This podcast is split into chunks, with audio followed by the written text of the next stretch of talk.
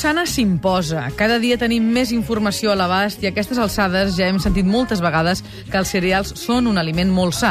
Els integrals, és clar, i n'hi ha alguns que tenen una fama extraordinària. És el cas de la cibada, que no ens confonguem, en castellà és l'avena, no la cebada, i que té tants beneficis per a la nostra salut i que hi ha qui la recomana per esmorzar, dinar, berenar i sopar. Avui hem convidat al programa el doctor, el doctor naturista responsable d'haver-ne fet una gran divulgació des de fa anys. Bon dia, doctor. Hola, bon dia.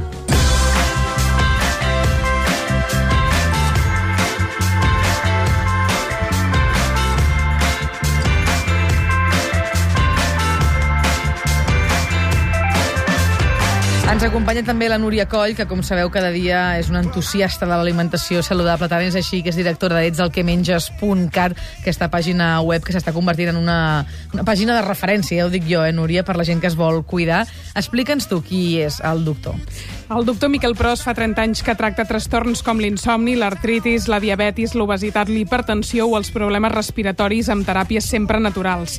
Llicenciat en Medicina i Cirurgia per la Universitat de Barcelona, entre totes les seves publicacions n'hi ha una que ja té 8 edicions, Com cura la avena, 75.000 exemplars venuts. Tot va arrencar a la botica de l'abuela, on divulgava la monodieta de la cibada. Era l'any 97 i les reserves de cibada es van esgotar durant diverses setmanes a tot el país. Actualment el doctor Pros dedica gran part dels seus esforços a dos balnearis respiratoris que té a Barcelona i Sant Cugat del Vallès, on fa tractaments amb aigua de mar per curar bronquitis i sinusitis, sobretot dels nens. Doncs vinga, va, posem-nos i anem a pans. Doctor, benvingut al suplement. Comencem per la cibada. Per cert, eh, comencem fent un aclariment, que la cibada, això que dèiem, és l'avena, eh? La cebada en castellà sí. és l'ordi en català. Sí, perquè hi, hi havia un programa de ràdio que, escolta, no s'entenien, es donaven les bufetades, la gent estaven emprenyadíssims perquè es veu que estaven indignats i trucaven i diuen, escolti, que no, que la, la cibada és l'avena, no?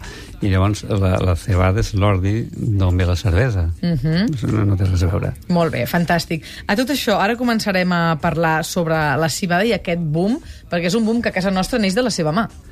Bueno, el que passa que, esclar, tampoc no, eh? això no, no, és, no és un foc de Sant Joan, eh? Vull dir que... No, no, un boom vull dir que ara hi ha molta Sí. gent que segueix aquesta tendència. Sí, bueno, perquè és un tema que jo crec que la gent, doncs, bueno, el, el, aquest llibre, clar, 75.000 exemplars, és un llibre que s'ha anat passant d'una boca a l'altra, no?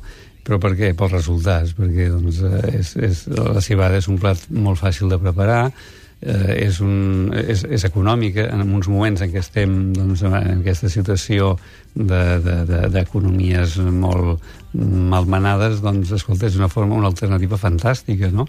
Jo podia hi ha una anècdota que m'agrada molt explicar d'una senyora que havia acollit a casa seva, en aquí a Gavà, no direm el nom, però tenia sota la seva responsabilitat els seus ex i els fills dels ex i els sogres i els sogres dels ressogres, bueno, i, i resulta que hi tenia, esclar, una casa que semblava més que una casa, un sanatori, tu.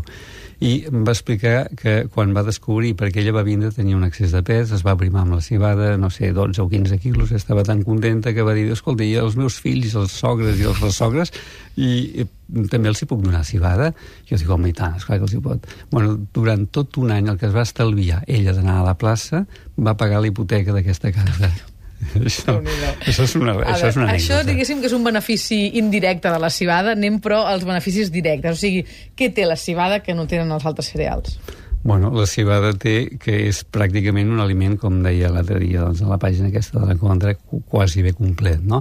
Només li falta un pell d'aminoàcids que es podien complementar perfectament mm, prenent algun llet o algun derivat de la llet, no? La llet jo n'hi estic gens a, a favor, però llavors doncs formatges, iogurts, etc. En la qual, vull dir, quan parlem d'un aliment complet és com si mengéssim carn o peix.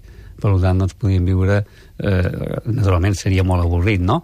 Però llavors eh, fa que, esclar, té, unes, eh, eh, té una sèrie d'avantatges enormes que, eh, que a, a part de que doncs, queden cobertes les teves eh, bases diguem-ne d'alimentació, si estàs ben nutrit té l'enorme avantatge que aplicat amb criteri mèdic pot resoldre una quantitat enorme de patologies. D'entrada crec que potser algú ara està pensant no, però justament ara que estem dient que les dietes d'un únic producte no són gens recomanables, Com ho fem amb la cibada? Què estem dient ara amb la cibada? Que podríem menjar matí, tarda i nit o no caldria no, arribar no, a aquest extrem? No, no, no, en absolut. No. Um, jo sóc molt aficionat uh, a les monodietes. Monodieta vol dir un sol tipus d'aliment durant uns dies determinats. Durant llavors, uns dies, eh, per exacte, això? Exacte, clar. Llavors, potser t'arriba una persona que té un problema, no sé, ara imaginem-nos una artritis aguda uh, o una o, un, o una persona que té un síndrome gripal amb febre que li dius, escolta, menges caldos vegetals o menja una dieta tova, doncs, és clar dos o tres dies, és a dir, 24 a 72 hores menjant una cremeta de cibada, segurament alleugerim i, i millorem aquell quadre. Però això per què? Perquè elimina toxines d'entrada? Perquè té un efecte, eh, té un efecte diurètic, antiinflamatòria, és, eh, la, la cibada també és antiinflamatòria, i parlat de l'artritis reumàtica o en processos reumàtics on hi ha realment molt de dolor, doncs la cibada menjada d'una forma regular, en aquest cas no esmorzar ni sopar, sinó només per sopar. Clar, el sopar és un moment clau a la vida de tots, i a partir d'una certa edat, aquí ja tenim unes senyores que, eh, que ens escolten amb molta atenció, doncs jo és una de les coses que recomanaria a, a partir d'una certa edat, a l'hora de sopar s'ha de sopar molt poc, perquè és, eh, això és habitual, a la consulta ho sentim habitualment, eh, si jo sopo no dormo doncs, escolta, eh, és molt fàcil eh, sopar poc. Perquè hi ha un tema eh, que és, eh, jo penso que, és clar, és, un, és producte de la ignorància. Mengem més proteïnes de la que realment el cos necessita. El cos necessita una quantitat que no supera un gram de proteïna per quilo de pes, tirant llarg. Per tant, és clar, si mengem proteïna, esmorzar, dinar, sopar, llavors el que estem fabricant és una arteriosclerosi precoç. I, de fet, mm, no sé, l'evidència en, en patologies mèdiques doncs, ens demostra això. Per tant, a l'hora de sopar jo recomano que a partir dels 50 que no es mengi proteïna animal. I, per tant, una sopeta d'avena és l'alternativa òptima per eh, no caure malalt. Passa que també hem sentit sovint que el cereal a la nit és millor evitar-lo. Que eh, bueno, no atipa, una, atipa molt. No, però ja, ja és el que dèiem, no? Hi ha cereals i cereals. Llavors l'avena és de tots el cereal, eh, diguem-ne, més tolerat. Jo havia treballat en una clínica a Suïssa quan era molt jovenet i en aquesta clínica, en, el, en una clínica especialitzada en cirurgies eh, abdominals i després d'una cirurgia els donàvem una dieta mm, eh, que eh, en dèiem una dieta que portava eh, mucolítica. Ara dic, mm, eh, no, no, no m'expresso bé. Una dieta amb, eh, que, que um, on la, o sigui, um, la, la cibada té una particularitat que deixa anar una substància gelatinosa. Aquesta uh -huh. substància gelatinosa és un protector de la paret abdomin de la, del tub gàstric, del tub intestinal. O sigui, fa un, un mucíleg. Una pel·lícula, una, no? Una, una, una dieta mucilaginosa, exacte. Uh -huh i eh, aquesta dieta mucilaginosa fa que l'operat doncs, es vagi recuperant d'una forma mm, molt més eh, sana que una persona que ha estat operada i al cap de dos dies, que és el que passa habitualment, li donem una paella. Per tant, clar, eh, hem, hem de ser prudents.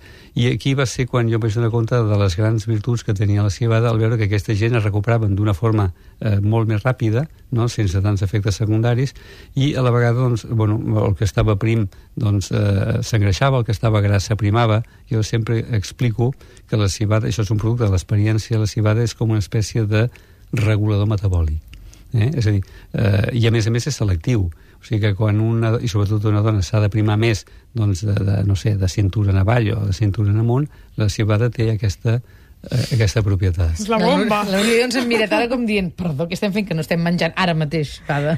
Sí, però insisteixo, no, no, no ens hem de fanatitzar, no, no. perquè jo ara pugui explicar i les enormes virtuts que té, també doncs s'ha de ser eh, conseqüent i s'ha de fer, i, i, i l'ideal seria que eh, naturalment se seguís una miqueta la disciplina, les orientacions d'un expert. Uh mhm. -huh. Nosaltres aquest matí explicàvem en aquesta línia del que vostè comentava dels règims, de les dietes, que la cibada va bé per aconseguir o per mantenir un pes òptim, en el sentit que o una persona que vulgui aprimar, l'ajudarà a primar, però una persona que vulgui engreixar, també l'ajudarà a engreixar. Sí, precisament perquè... És un cereal intel·ligent. Exacte. De, de fet, podríem considerar que eh, és un, un cereal intel·ligent, certament.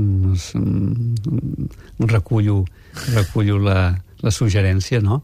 Però, clar, això és producte de l'experiència, és a dir, que quan comences... Jo, jo sóc un metge d'infanteria, sí, eh, vull dir, sóc un metge de, de, que veig qualsevol patologia des d'un encostipat doncs, fins a, un, no sé, coses molt més complexes, una, no sé, hepatitis, i, i, i a més a més ens arriben a la consulta gent que han fet aquest llarg via crucis de consultes i clíniques i normalment en aquestes circumstàncies vull dir, absolutament desfavorables amb un escepticisme total ens arriba la gent a la consulta. Per tant, clar, a l'hora d'aplicar un tractament doncs, bueno, apliquem un, un protocol i la cibada normalment forma part d'aquest protocol, que és una miqueta seria el fonament, és a dir, un edifici amb un bon fonament doncs, podrà aguantar un terratrèmol, però un edifici doncs, bueno, fet de, de qualsevol manera doncs, és evident que, que poques possibilitats tindrà.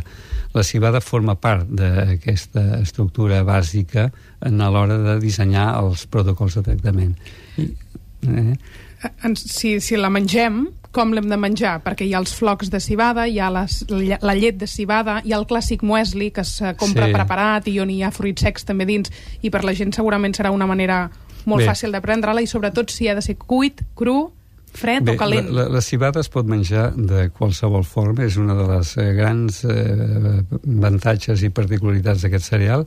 El musli, o sigui, la primera vegada que eh, es, es menja cibada eh, almenys d'una forma, jo diria potser ja més mèdica, és quan precisament un metge suís, que és el doctor Albert Scherbener, eh, instaura la cibada en el musli. O sigui, quan parlem d'un musli, no, no, no hauríem de pensar mai en el musli aquest de caixa que, veníem, que es ven en, els, en, els, en les dietètiques al supermercat, sinó el musli fet a casa.